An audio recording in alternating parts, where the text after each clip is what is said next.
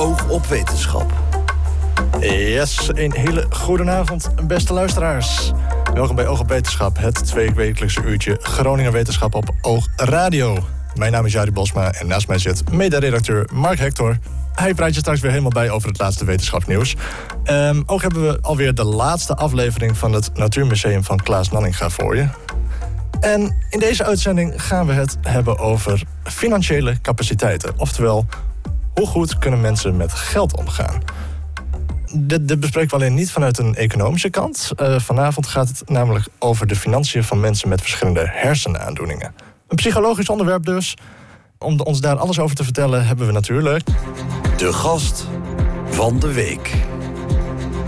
Vanavond is neuropsycholoog Janneke Koerts bij ons te gast. Um, Janneke doet onderzoek naar het financieel welzijn en de financiële capaciteiten van mensen met hersenaandoeningen. Denk je bij aan mensen met ADHD of dementie. Ik kan me inderdaad heel goed voorstellen dat deze mensen soms moeilijk met geld om kunnen gaan. Uh, Janneke, goedenavond. Goedenavond. Uh, voordat we beginnen, kun je zelf eigenlijk een beetje goed met geld omgaan? Uh, goeie vraag. Uh, ik denk van wel. je denkt van wel. Laat ik het zo zeggen. Een gewetensvraag haast. Gewetensvraag, uh... inderdaad. Ja, nee, volgens mij heb ik mijn financiële zaken goed op orde. Gelukkig maar. Ja. Um, jij bent een neuropsycholoog. Die Klopt. houden zich bezig met hersenfuncties. toch houd jij je bezig met de financiën van mensen. Waarvan ik zou denken, dat hoort meer bij economie thuis. Hoe is het bij je opgekomen om juist met dit onderwerp bezig te gaan? Ja, jouw gedachte is niet zo raar. Uh, we houden ons inderdaad bezig met hersenfuncties. Uh, heel veel mentale functies. Uh, denk ook aan ja, geheugen, aandacht, mogelijkheid om te plannen, dat soort zaken.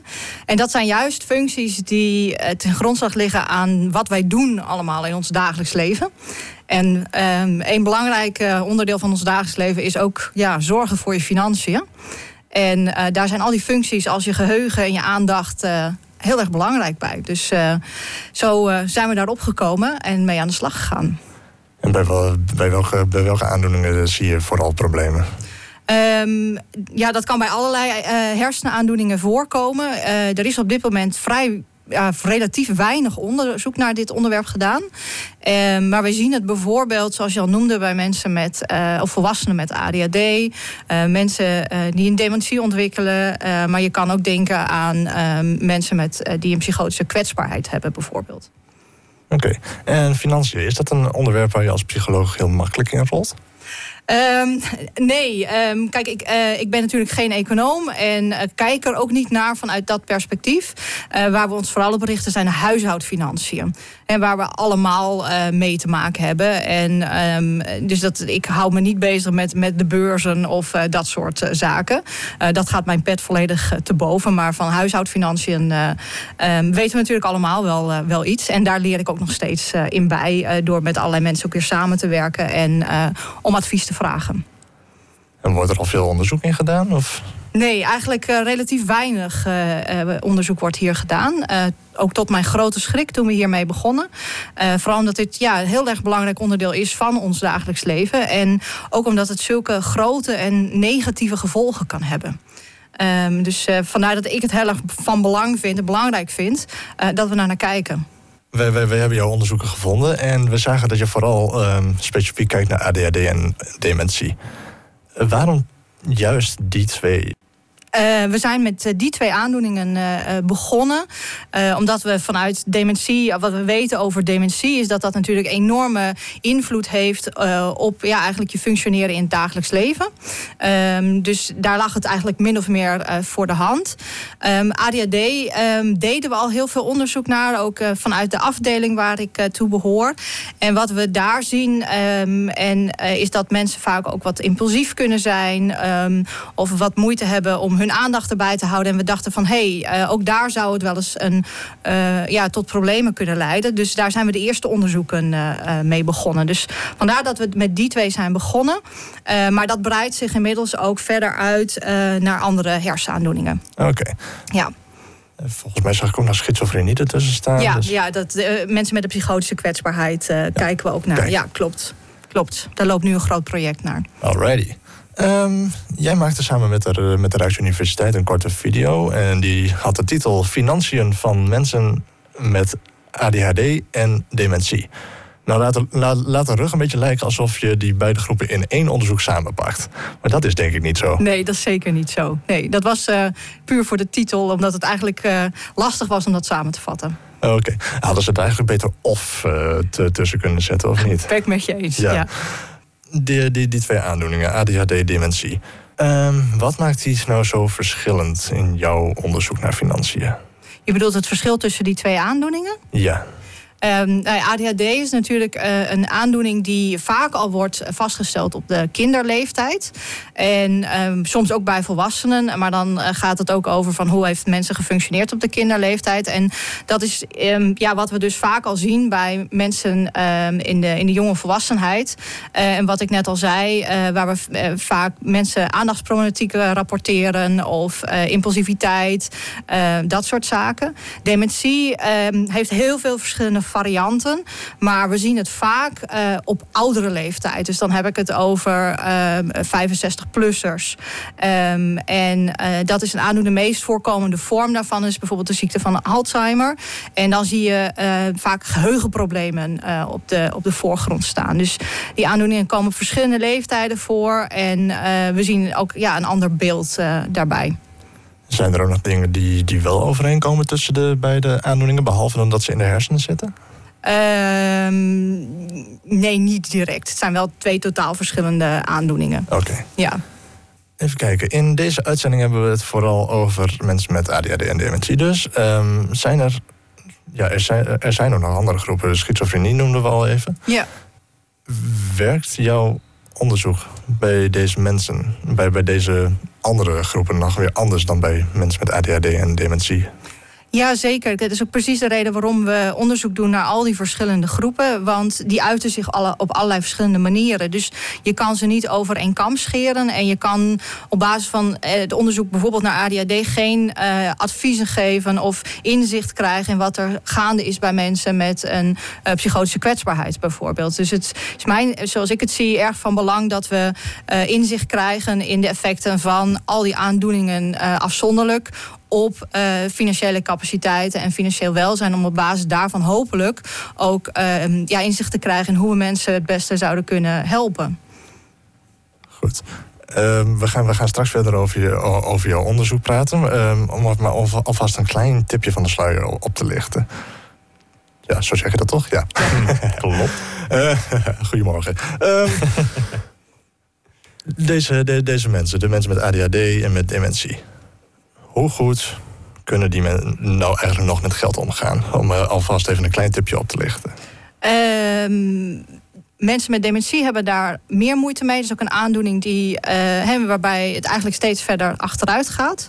Uh, bij, um, als het gaat om, om de hele groep mensen met ADHD, zijn er sommigen die daar moeite mee hebben, anderen niet. Oké. Ja. Dus er zit ook nog weer een hele gradatie in. Er zit een hele gradatie in. Kijk geen wonder dat het op een spectrum valt. Nee, precies. Mm -hmm. Janneke, bedankt. We uh, gaan straks verder praten over de financiën van mensen met ADHD of dementie. Uh, we gaan het onder andere hebben over jouw uh, onderzoek en hoe je dat hoe je onderzoekt of iemand in staat is om zelf zijn financiën nog te regelen. Maar eerst is het tijd voor. Wetenschapsnieuws. Het opvallende wetenschapsnieuws. Um, zeer gewaardeerde collega Mark. Jij uh, bent van ons de afgelopen tijd weer uh, gaan vissen in het Groningse nieuws. Vertel eens, heb je nog iets leuks aan de haak kunnen slaan? Het is weer zeldzaam zonnig in Nederland en dan is het natuurlijk belangrijk dat jij je goed insmeert om niet te verbranden. Wat dacht je van insmeren met zeewier? Onderzoekers van Hanse Hogeschool lijkt het wel wat. Uh, ze werken namelijk aan een milieuvriendelijke zonnebrandcrème op zeewierbasis. Anders gaan de koralen naar de knoppen, zei projectleider Rob van Haren. En daar heeft hij goed gelijk in. De chemische UV-blokkers die nu in zonnebrandcrème kunnen zitten, zijn namelijk giftig voor het waterleven. En nu blijkt dat in rood zeewier een bioafbreekbaar alternatief zit dat we zouden kunnen gebruiken. Zoals het nou eenmaal vaker gaat met goedkeuring en testen, kan het nog wel vijf tot tien jaar duren voordat het zeewierstofje echt gebruikt mag worden in producten. Uh, maar het is nu in ieder geval ja, veelbelovend. Ik hoop alleen wel dat de koraalriffen tot die tijd kunnen volhouden. Dan, je hoeft geen Elon Musk te zijn om een zelfrijdende auto te laten bouwen. Ook studenten aan de Hans Hogeschool en de Rijksuniversiteit kunnen dit. Ze gaan namelijk volgende week donderdag elektrische karts voorzien van software... waardoor ze zonder bestuurder kunnen racen op het TT-circuit van Assen. Met deze wedstrijd wil de RDW de ontwikkeling van deze technieken stimuleren. Mogen het beste team winnen? Ehm, ik hoop alleen dat ze de computerbestuurders niet te slim maken... want ik kan nu al bijna nooit winnen in Mario Kart. Helemaal niet op 200cc. Helemaal niet op 200cc, alsjeblieft niet. Heb je ooit een wandeling gemaakt over de Zernike campus... en dacht je bij jezelf... goh, ik wou dat hier een soort audiotour was over biodiversiteit? Ik zelf niet, moet ik eerlijk bekennen. Maar het is nu toch, blijkt dat er eentje gemaakt is. En nu ben ik toch een beetje geïnteresseerd eigenlijk. Van wat is biodiversiteit en wat doet de Rijksuniversiteit hiervoor? Het is een stuk belangrijker dan je misschien zou denken. De mens heeft nogal wat veranderd in de wereld eh, in de afgelopen eeuwen. En daardoor hebben sommige planten, insecten en micro-organismen het moeilijk gekregen. Als we daardoor bijvoorbeeld minder bijensoorten krijgen, kan het gebeuren dat het ecosysteem een soort van een beetje instort, wat weer enorme gevolgen voor ons kan hebben. Door alleen op specifieke momenten het gras te maaien en door zo een betere leefomgeving te maken voor verschillende soorten, hou je die diversiteit van dieren in stand. Erg interessant dus om met een koptelefoon op een keertje te beluisteren, zodat je in stilstaat bij wat je normaal nooit zou zien. Je start de audiotour simpelweg door een van de QR-codes te scannen die op de borden staan bij de Duizendberg Vijver midden op de campus. Een nieuw nieuwtje over Nobelprijswinnaar Ben Veringa. Hij was laatst weer eens in het nieuws, uh, maar dit keer ging het niet over zijn bijzondere nano-auto's. Het ging namelijk om de Ben Veringa Impact Award, die hij zelf overhandigde aan de onderzoekers George Azopardi en Guru Swaroop Benapaktula in het Groninger Forum. Wat hadden zij nou voor bijzonders gedaan? Nou, in hun onderzoek hebben de twee een artificial intelligence tool ontwikkeld, waarmee autoriteiten zoals de politie beeldmateriaal van seksuele uitbuiting van minderjarigen kunnen onderzoeken. Met de tool kun je namelijk achterhalen met welk apparaat het beeldmateriaal is gemaakt. Dat is natuurlijk super handig om nauwkeurige bewijs te verzamelen. Daarnaast werd een tweede prijs in de categorie studenten overhandigd aan Niede van der Wijngaard voor weer iets heel anders. Haar onderzoek ging over het verbeteren van de klachtenprocedure voor de orde van advocaten. Tot slot, een leuke activiteit. Hij kwam al een keer eerder bij een van de eerdere uh, uitzendingen voorbij. Als je nog iets speciaals wilt gaan bekijken komende maand... het Universiteitsmuseum Groningen heeft een nu wel heel bijzondere tentoonstelling. Heb jij je ooit afgevraagd hoe de penis van een alligator eruit ziet? Zo ja, bijzonder. Oké, als je het echt graag wil zien. Ze hebben er eentje op sterk water. En dat is zeker niet het enige. De nieuwe tentoonstelling die het museum leent van het Universiteitsmuseum in Gent... heet Valles en draait helemaal om een bepaald geslachtsorgaan. Met als topstuk een zeer groot papier-maché-model. Er zit een doel achter deze tentoonstelling. De bezoeker wordt namelijk uitgedaagd om na te denken over de verschillende ideeën die er zijn over geslacht, gender, wetenschap en normen. Volgens het museum is het voor alle leeftijden toegankelijk en ze zijn nu bezig met het maken van educatieprogramma's die op de tentoonstelling aansluiten. Mocht je een kijkje willen nemen, het museum zit vlakbij het academiegebouw in het centrum van Groningen. En voor meer informatie kijk je op rug.nl/slash museum. Deed jij niet ook werk voor het museum af en toe, Mark? Ja, klopt. Ik werk nog steeds um, als, ja, met, met een uh, oproepkrachtcontract. Uh, maak ik af en toe tekeningen en dingetjes voor het museum. Ik heb een stripboek ook voor hen gemaakt. Dus mocht je een keer langskomen, ligt een heel stripboek over allerlei bijzondere figuren uit de Groningse ja, wetenschapsgeschiedenis. Maar niet, niet voor dit. Uh, niet voor, dit. Nee, nee. Het zou ook een interessant stripboek zijn. Misschien moet ik een keer voorstellen. Dat, maar wie weet. Goed, bedankt Mark. Mark. Op wetenschap. Um, wij praten verder met neuropsycholoog Janneke Koerts. Uh, zij doet onderzoek naar de financiële capaciteit van mensen met onder andere ADHD en dementie. Uh, Janneke, ik uh, ken psychologisch onderzoek als iets waar veel wordt gepraat en waar veel vragenlijsten worden afgenomen. Is dat ook zo bij jouw onderzoek? Um, ja en nee. Uh, dus ja, we praten veel en we gebruiken ook veel uh, vragenlijsten. Maar als het gaat om uh, onderzoek naar de financiële capaciteiten, gebruiken we ook heel veel tests. En er zijn ook tests die we daarvoor speciaal hebben ontwikkeld. Um, en dan moet je denken aan tests waarbij we bijvoorbeeld iemand een rekening voorleggen en vragen om van hey, wanneer moet deze rekening nu betaald zijn? En wat moet je overmaken? En naar welk rekeningnummer? Of dat je een heel overzicht voorlegt van een bankafschrift. Uh, zoals je dat krijgt van, van je bank. Daar staat vaak heel veel informatie op. En kunnen mensen daar de juiste informatie uh, uit filteren. Maar financiën gaat ook over bijvoorbeeld verzekeringen. En ehm, jullie kennen allemaal wel verzekeringen en de ingewikkelde polissen die daarbij horen. Dus dat is ook iets wat we nabootsen. waarbij we een hele verzekeringspolis hebben voor de zorgverzekering. En dan vragen stellen over, nou, stel je wil graag fysiotherapie. Um, welke van deze verzekeringen is dan het beste voor jou? Dus dat soort tests hebben we uh, ook ontwikkeld. Je stelt vragen, je doet van die tests. Je, verzamelt data voor je onderzoeken. Maar als je dan die, die data verzameld hebt en je hebt wat mensen gezien, gesproken, hoe beoordeel je dan als psycholoog of iemand goed of slecht omgaat met geld? Zijn daar, zijn daar bepaalde richtlijnen voor? Nee, dat is, daar zijn eigenlijk geen eh, richtlijnen voor op dit moment. Ehm, wat we doen in het onderzoek nu is dat we kijken naar groepen mensen. Dus we kunnen iets zeggen over een groep van mensen die een bepaalde diagnose eh, heeft. Dus bijvoorbeeld ADHD. Ehm, waar we nog niet zo eh, goed, eh, wat we nog niet zo goed kunnen, en dat komt ook omdat dat onderzoek nog in de kinderschoenen staat, is kijken op meer individueel niveau. En nu is het zo dat als mensen prima voor hun financiën kunnen zorgen, of wanneer mensen daar heel veel moeite mee hebben en dat eigenlijk niet meer kunnen, dus eigenlijk meer de zwarte en de witte kant, ehm, dan is, dat, is dat vaak wel makkelijk eh, te identificeren. Maar het gaat over dat grijze tussengebied waar mensen wat moeite hebben, maar het eh, deels ook nog wel gaat. Dan wordt het lastig om, om daar eh, een goed eh, beeld van te vormen. En dat is iets waar we in de komende jaren naartoe eh, moeten werken. Oké, en als we dan als we specifiek gaan kijken naar mensen met ADHD bijvoorbeeld. Ehm, welke problemen zie je bij hen dan het vaakst? Ja, wat wij in het onderzoek zagen, eh, zagen en dat is eh, weer op groepsniveau, is dat zij eh, bijvoorbeeld moeite hebben om overzicht te houden over al die rekeningen die binnenkomen en die betaald moeten worden. En dat ze ook moeite hadden om ehm, goed te, te weten van hey, waar komt mijn inkomen vandaan en hoeveel komt er dan elke maand binnen. En dat ze minder vaak bijvoorbeeld een, een potje hadden voor onverwachte uitgaven. Eh, dat soort zaken zagen wij. En eh, is, is er ook iets wat ze juist, juist heel goed kunnen op het gebied van geld? Of valt, het, valt dat tegen? Eh, nou, heel goed kunnen. eh, ja, we doen altijd een vergelijking. Dus tussen mensen in dit geval die ADHD hebben en die het niet hebben. En we zagen op wel op heel veel vlakken ook dat ze op vergelijkbaar niveau eh, eh, presteerden aan mensen die geen ADHD hadden. En ehm, dan moet je denken aan hè, bijvoorbeeld het invullen van formulieren. ehm, wat je ook vaak moet doen. dat ging hun nog prima af, om maar een voorbeeld te noemen. Oké, en als we gaan kijken naar het inkomen van mensen met en zonder ADHD.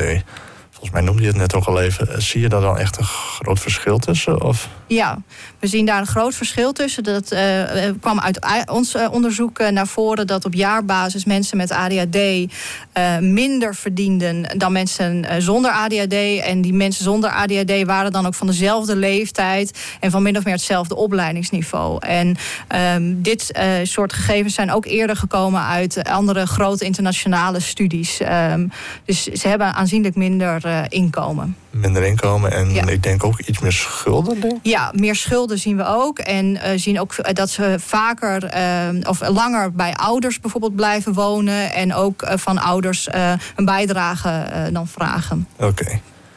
Ehm, als we dan van de ADHD overstappen naar mensen met dementie. Dezelfde vraag. Welke problemen zie je bij hen het vaakst?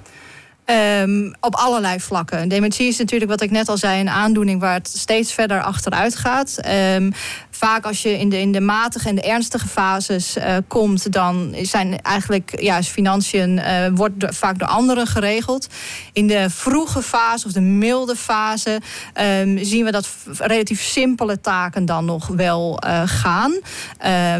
Denk bijvoorbeeld aan, aan herkennen van muntgeld wat er is, of ehm, wat eh, bepaalde financiële ehm, eh, dingen, termen inhouden, bepaalde financiële kennis die mensen hebben. Maar daar zit ook ja, afhankelijk van hoeveel ervaring mensen weer eh, hebben gehad. En ik denk dat daarbij heel erg belangrijk is dat we, ja, we zien heel veel verschillen tussen mensen. Ehm, dus geen mens is hier gelijk.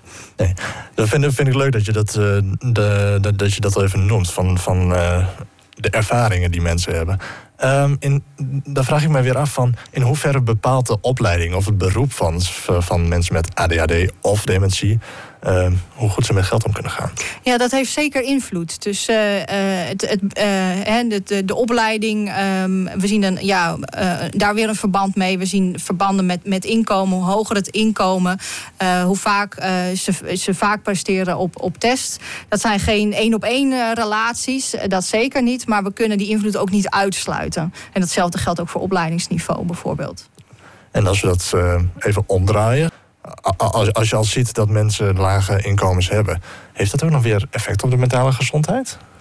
Ja, dat laat uh, uh, onderzoek ook zien dat uh, mentale, inkomen, of mentale gezondheid en inkomen ook weer met elkaar samenhangen. Er zijn onderzoeken bekend die laten zien dat als mensen bijvoorbeeld in armoede belanden of wanneer hun inkomen plotseling daalt, dat dat een negatieve invloed heeft op hun mentale gezondheid. En dat die effecten vaak weer groter zijn in de, de midden- en de lage inkomens. Nou, nou weet ik van, van mensen met dementie die als, als zij hard achteruit gaan, maar ze hebben bijvoorbeeld hun hele leven piano gespeeld. Vaak, niet altijd natuurlijk, als je ze dan weer aan een piano zet, dan kunnen ze meteen weer eh, hun favoriete stuk spelen. dat gaat hier dan ook een beetje op? Of moet ik dat anders zien? Um, ik zou verwachten van wel. Ik, uh, we hebben dit in, in het onderzoek, wat ons eigen onderzoek naar dementie loopt op dit moment nog. Um, dus ik, ik, kan daar geen uh, heel duidelijk antwoord nog op geven. Maar je, je hebt een goed punt. Ik, ik zou dat wel verwachten. Dat als iemand jarenlang in de financiële sector uh, heeft gewerkt, die ervaring ja, die dragen ze met zich mee. Dus dat zal zeker een positieve invloed kunnen hebben. ik, ik kan het me goed voorstellen, tenminste. Dat, ja, ik ook. Maar even kijken, als je dan ziet uh, dat mensen de grip op hun financiën kwijtraken. Wat, wat zie je dan als psycholoog met, met die mensen gebeuren? Zie je, zie je schaamte optreden of zie je andere emoties opkomen? Uh, er kan van alles uh, opkomen. Um, ja, schaamte en, en taboe is natuurlijk uh, wel iets wat ook rondom financiën kan hangen. Um, we zijn vaak in de, in de maatschappij niet zo heel erg open over ja, wat we verdienen. Is ook niet iets wat we, wat we op de man afvragen. Um, dat houden we toch een beetje voor onszelf. En ja, mocht je schulden hebben, dan, dan merken we ook aan mensen dat dat, dat gepaard kan gaan met, met schaamte. En wat je net ook al noemde, met, uh, uh, ja, dat invloed heeft op de mentale gezondheid. Exact, ja. En wij Nederlanders, uh, wij, wij pochen natuurlijk liever over dat we zo min mogelijk geld uitgeven. In plaats van dat we juist heel veel geld hebben. Precies, daar zijn wij Nederlanders heel goed in. Ja. Als de mensen dan op de een of andere manier de, deze, deze nou, patiënten, zal ik ze maar even noemen. Het zijn niet echt patiënten, maar toch weer wel. Maar als je ziet dat deze mensen op de een of andere manier hun grip op financiën weer terugkrijgen, zie je dan ook nog wat gebeuren? Um, we hebben daar geen onderzoek uh, naar gedaan, maar uh, tenminste nog niet. Maar ik, dat kan ook weer een positieve invloed natuurlijk hebben. En het kan net zo goed als dat um, als je qua financiën erop achteruit gaat, dat het een negatieve invloed kan hebben op je mentale gezondheid. Kan het ook net zo goed omgekeerd gebeuren. Dus dat dat ook weer ja, een positieve invloed op je heeft. Dat is zeker mogelijk. Oké. Janneke, wij uh, komen straks nog een keer bij je terug. Dan gaan we het hebben over uh, onder andere over hoe we mensen met ADHD of dementie de grip op hun financiën weer terugkrijgen. Maar eerst is het tijd voor onze laatste aflevering van onze museumrubriek. Welkom in het Natuurmuseum van Klaas Nanninga. In een woonhuis aan de Groningse Korreweg runt Klaas Nanninga zijn eigen natuurmuseum. Een complete verdieping, maar ook zijn werkkamer en zelfs de woonkamer staan vol met planten, dieren, schimmels en alles daartussenin. Elke aflevering van Oog op Wetenschap, vandaag dus de laatste, is er ruimte voor een bijzonder voorwerp uit de collectie van Klaas. In de vorige aflevering gingen we op goudjacht. Klaas vertelde over een namaakgoud, genaamd Pieriet. Uh, en dat mensen dat brengt mensen regelmatig in verwarring. Deze keer vertelt hij over de, het giftige goedje dat soms gebruikt wordt om het echte goud te winnen. Oftewel kwik. De vorige keer eindigde ik mijn verhaal over goud en gekkengoud en de goudwinning in het Amazonegebied, waar kwik bij gebruikt werd. Kwik is wel een zeer bijzonder metaal. Want het is het enige metaal wat vloeibaar is bij kamertemperatuur. Mensen die vroeger beweerden dat ze kwik wel eens vast hadden gezien in hevige kou, die werden niet eens geloofd.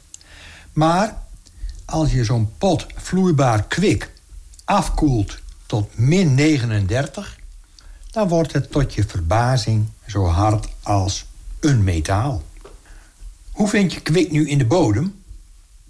Ja, niet als vloeibaar metaal, Zoals je ook zelden ijzer gewoon in de bodem vindt. Bijna altijd zit ijzer verpakt in ijzererts. En dat geldt ook voor kwik. Dan heb je het over kwikerts. Dit rodige materiaal, fijn gemalen, geeft een soort pigment voor verf. En dan heet het opeens vermiljoen. De oude Chinese naam voor deze rode steen was drakenbloed. Hoe haal je nou drakenbloed uit een steen? Nou, dat is eigenlijk de kunst van het scheiden van de stoffen. En zo komt scheikunde ook aan zijn naam. En scheikunst vroeger, dat was iets van magie. En men noemde dan dat ook de alchemie, de magische kunst van het scheiden. En als je alchemist was, dan was je een soort priester van een geheime wetenschap. De alchemisten van vroeger, die hadden vooral twee grote dromen. eerste droom was om zelf goud te kunnen maken. En de tweede droom was om altijd te blijven leven, altijd jong te blijven. Dus het levenswater te vinden, het aqua vitae. Dus avonturiers gingen overal op zoek naar het goudland, El Dorado. En ze hoopten ook de bron van de eeuwige jeugd te vinden. Ook de eerste keizer van China, die was geobsedeerd door het idee van onsterfelijkheid. En die dacht juist, gek genoeg, dat kwik de sleutel tot het geheim was. Dus wat hij deed was kwikpillen slikken. Uh, helaas werd dat juist de reden voor zijn vroege dood op 49-jarige leeftijd. Kwikvergiftiging is nog steeds dodelijk. En ja, wie is er dan zo dom om kwik te slikken? Nou, echt niet alleen de keizer van China. Eeuwenlang was kwik het middel tegen syphilis. Syphilis, een beruchte geslachtsziekte waar ontzettend veel mannen aan leden. En echt leden, het is een nare ziekte. Wat men deed was kwik verhitten, de damp opsnuiven...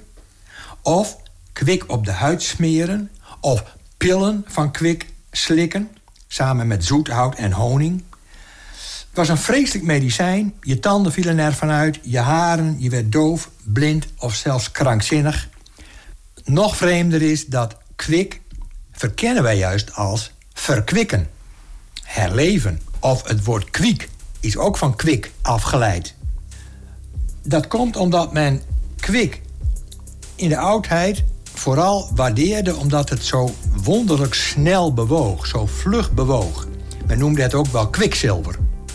En dat maakt kwik tot een uiterst bijzonder metaal, zo levendig van vorm en zo dodelijk in gebruik.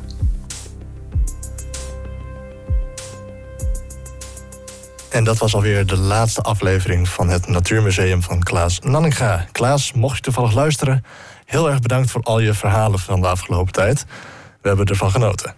Um, en kun jij als luisteraar nou geen genoeg krijgen van deze verhalen? Je kunt nog steeds op bezoek bij het Museum van Klaas. Het museum aan de Korreweg 70 is van maandag tot en met zaterdag op afspraak geopend, ook s'avonds. En het nummer van Klaas en meer informatie is te vinden op klaasnanninga.nl. Oog op wetenschap. En wij praten nog één keer verder met Janneke Koerts, neuropsycholoog. Zij doet onderzoek naar de financiële capaciteit van mensen met onder andere ADHD en dementie. Janneke, waar ik nou vooral nog benieuwd naar ben iemand met ADHD, kan die bijvoorbeeld een cursus volgen om uh, het inzicht in financiën te verbeteren? Zeker, er, er zijn heel veel. Um, ja, je kan op heel veel plekken financieel advies opvragen of um, cursussen volgen, bijvoorbeeld. Of uh, er zijn ook apps die je kan uh, gebruiken. Um, het enige wat we niet weten is uh, of die allemaal geschikt zijn. Um, om uh, ja, in dit geval te gebruiken. Ze zijn natuurlijk ontwikkeld in meer algemene eh, zin voor iedereen. En mogelijk zijn die ook geschikt uh, als het gaat om mensen met ADHD. Maar mogelijk moeten we daar ook aanpassingen in maken om ze te optima optimaliseren voor, voor deze doelgroep. maar er, zijn, er is van alles uiteraard beschikbaar. Dat, dat vind ik wel interessant. Als ik daar een vraagje tussendoor even mag stellen. Want dan, dan um, het is heel mooi dat er daar hulpmiddelen voor zijn voor de mensen die er dus al moeite mee hebben uh, op zo'n manier. Maar zou het ook helpen om juist van de andere kant te benaderen? Um, bijvoorbeeld, nou, ja, je noemde al van lastige formulieren over financiën en dat soort dingen. Kan het ook helpen om, om die juist makkelijker te maken, dat het eigenlijk iedereen een beetje helpt? Want ik heb zelf nou, ook genoeg moeite om uh, financiën en dat al, al soort dingen te doen. Uiteindelijk lukt het wel, maar als ze dat nou zou vermakkelijken, zou dat eigenlijk voor iedereen dan een voordeel kunnen zijn. Zeker, ik, daar ben ik helemaal mee eens. De brieven van Belastingdienst zijn ook uh, altijd uh, berucht. Uh, ja. En ik hoorde geloof ik deze week ook in het nieuws dat ze die ook willen aanpassen om die in meer begrijpelijke taal te gaan schrijven. En dat lijkt me zeer waardevol voor iedereen. Ja, ja, ja precies. Ja. En dat geldt uiteraard ook uh, ja, voor mogelijk andere uh, documenten. Denk aan, aan documenten die bij verzekeringen horen of bij hypotheken, uh, dat soort zaken. Begrijpelijke taal is heel belangrijk. Ja. Ik, ik vraag me wel eens af of die mensen de taal zelf begrijpen. Maar dat lijkt me soms heel onwaarschijnlijk met al die politiek correcte uitdrukkingen die ze gebruiken. Ja. ja. Um, mensen met dementie, die, die gaan er mentaal gezien doorgaans niet echt op vooruit. Die gaan er alleen maar op achteruit. Ja, helaas maar waar. Helaas maar waar, inderdaad. Ik uh, heb het ook wel eens van dichtbij uh, meegemaakt. Geen pretje. Um, kunnen zij uiteindelijk nog zelf beslissen wat er met hun geld gebeurt? Um, als je uiteindelijk in de, he, de, dementie zich verder ontwikkelt, dan, dan wordt dat alleen maar moeilijker en moeilijker. Um, wat we, wat ja, mensen vaak zien doen, en dat is dan al voor uh, de fase van, van dementie, is dat sommige mensen uh, al een zogenaamd uh, levenstestament formuleren of afsluiten. Waarbij ze al dan al aangeven: als er iets met mij gebeurt, dan wil ik het graag zus of zo geregeld hebben. Of dan moet die en die persoon uh, mij, mij helpen of mij, voor mijn financiën zorgen. Dus op die manier kan je er wat vooraan zijn en er mogelijk nog wat controle uh, over hebben. Maar uh, op den duur is dat voor mensen met dementie niet meer mogelijk. En dat sluit goed aan bij de vraag van de gast van vorige uitzending. toen zat hier jurist Noor Zwart. Zij heeft een vraag over het inperken van je recht om zelf te beslissen over je geld. En ze stelt hem zelf. Mijn vraag is: op welke wijze kunnen personen worden geholpen die dus niet zelf over hun financiën kunnen beschikken, zonder dat dit hun autonomie verder inperkt? Ja, hele goede vraag. Um, het is um, denk ik heel lastig um, om autonomie ja, niet uh, in te perken. Uh, als het gaat over autonomie, dan heb je het natuurlijk over zelfstandig zijn en over je eigen uh, beslissingen kunnen nemen. In dit geval op het gebied van financiën. Dus als jij ja, niet meer over je eigen financiën kan beschikken of dat je daarin beperkt wordt, dat zal altijd wat invloed hebben in meer of in mindere mate um, op, op, je, ja, op je autonomie uiteindelijk. Dus dat, dat is een heel lastig uh, vraagstuk. Mensen kunnen natuurlijk wel bij ondersteund worden en, uh, uh, of advies krijgen. En um, bijvoorbeeld binnen een bepaald budget dan wel hun eigen keuzes kunnen maken. Maar ja, mijn verwachting zou zijn dat het altijd wel iets van invloed zal hebben. Nou, nou, kan ik me voor, ook voorstellen dat uh, zulke inperkingen, hè, je, je, neemt ze, moet ze uiteindelijk een beetje aan het handje nemen of gewoon beslissingen voor hen maken. Of advies geven. Of advies geven, inderdaad. Um, ik kan me voorstellen dat zulke dingen gepaard gaan met boosheid of onbegrip bij de patiënt, weer om het maar even zo te noemen. Ja. Um, ja, is dat ook zo? Is dat iets wat jullie, jullie al gezien hebben? Um, het is niet wat we iets direct uh, gezien hebben, maar wel ja, wat we soms in, in, uh, in verhalen natuurlijk terug horen. Kijk, in algemene zin is het uh, niet prettig om ehm, zo'n diagnose te krijgen. En dat heeft invloed op heel veel verschillende aspecten van je leven.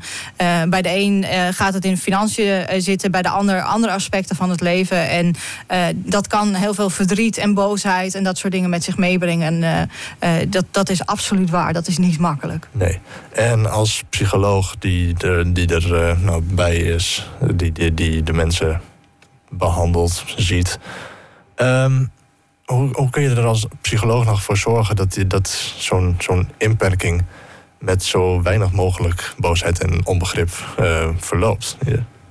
Ja, persoonlijk eh, zou ik denken dat uh, wat heel erg belangrijk is, is wat we vaak noemen de, de zogenaamde psycho-educatie. Dus en dat je ook uitleg geeft over uh, wat een aandoening betekent en hoe het invloed zou kunnen hebben op iemands leven, zodat ja, mensen eigenlijk informatie hebben over wat, er gaande is.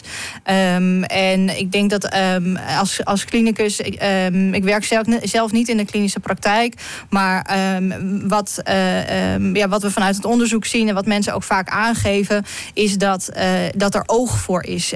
dus dat er in, de, in, de, in de behandeling of in de gesprekken in de kliniek ook naar gevraagd wordt van goh, hoe gaat het? En heb je er wellicht hulp bij nodig? mensen daar nee op zeggen, is dat natuurlijk helemaal prima. Maar als daar mensen aangeven dat hulp wel relevant is of gewenst is, dan zou dat ook mogelijk ingeschakeld kunnen worden.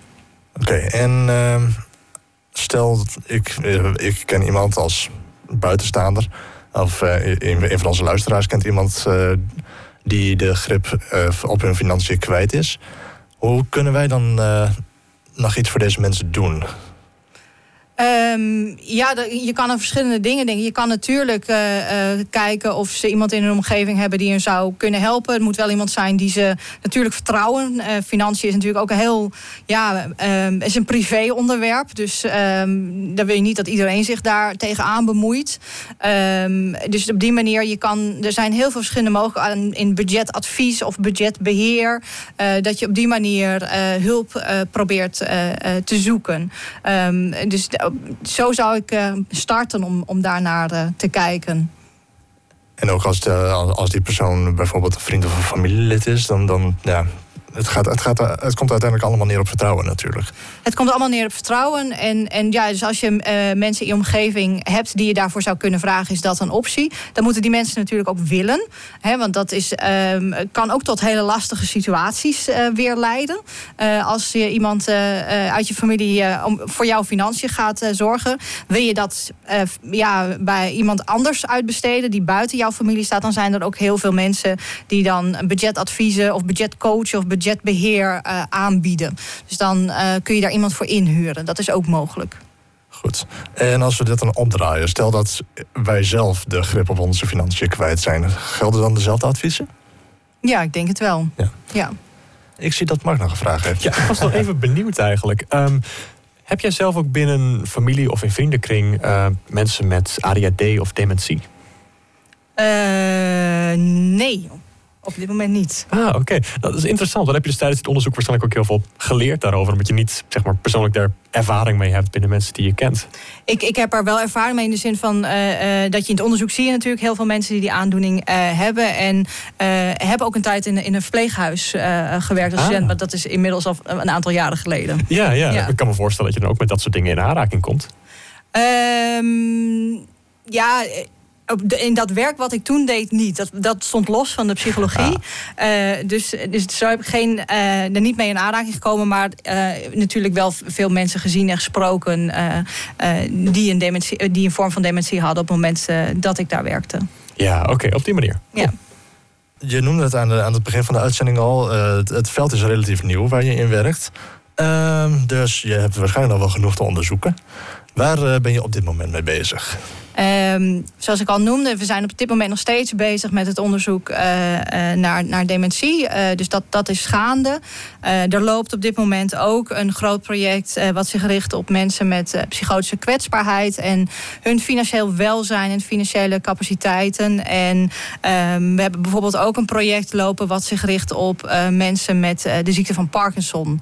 omdat we daar ook um, ja, zogenaamde cognitieve problemen, dus problemen met planning en, en aandachtsproblemen en dat soort zaken zien. Dus dat is wat er op dit moment allemaal nog in de pijpleiding zit. Janneke Koorts, neuropsycholoog en onderzoeker naar de financiën van mensen met hersenaandoeningen aan de Rijksuniversiteit.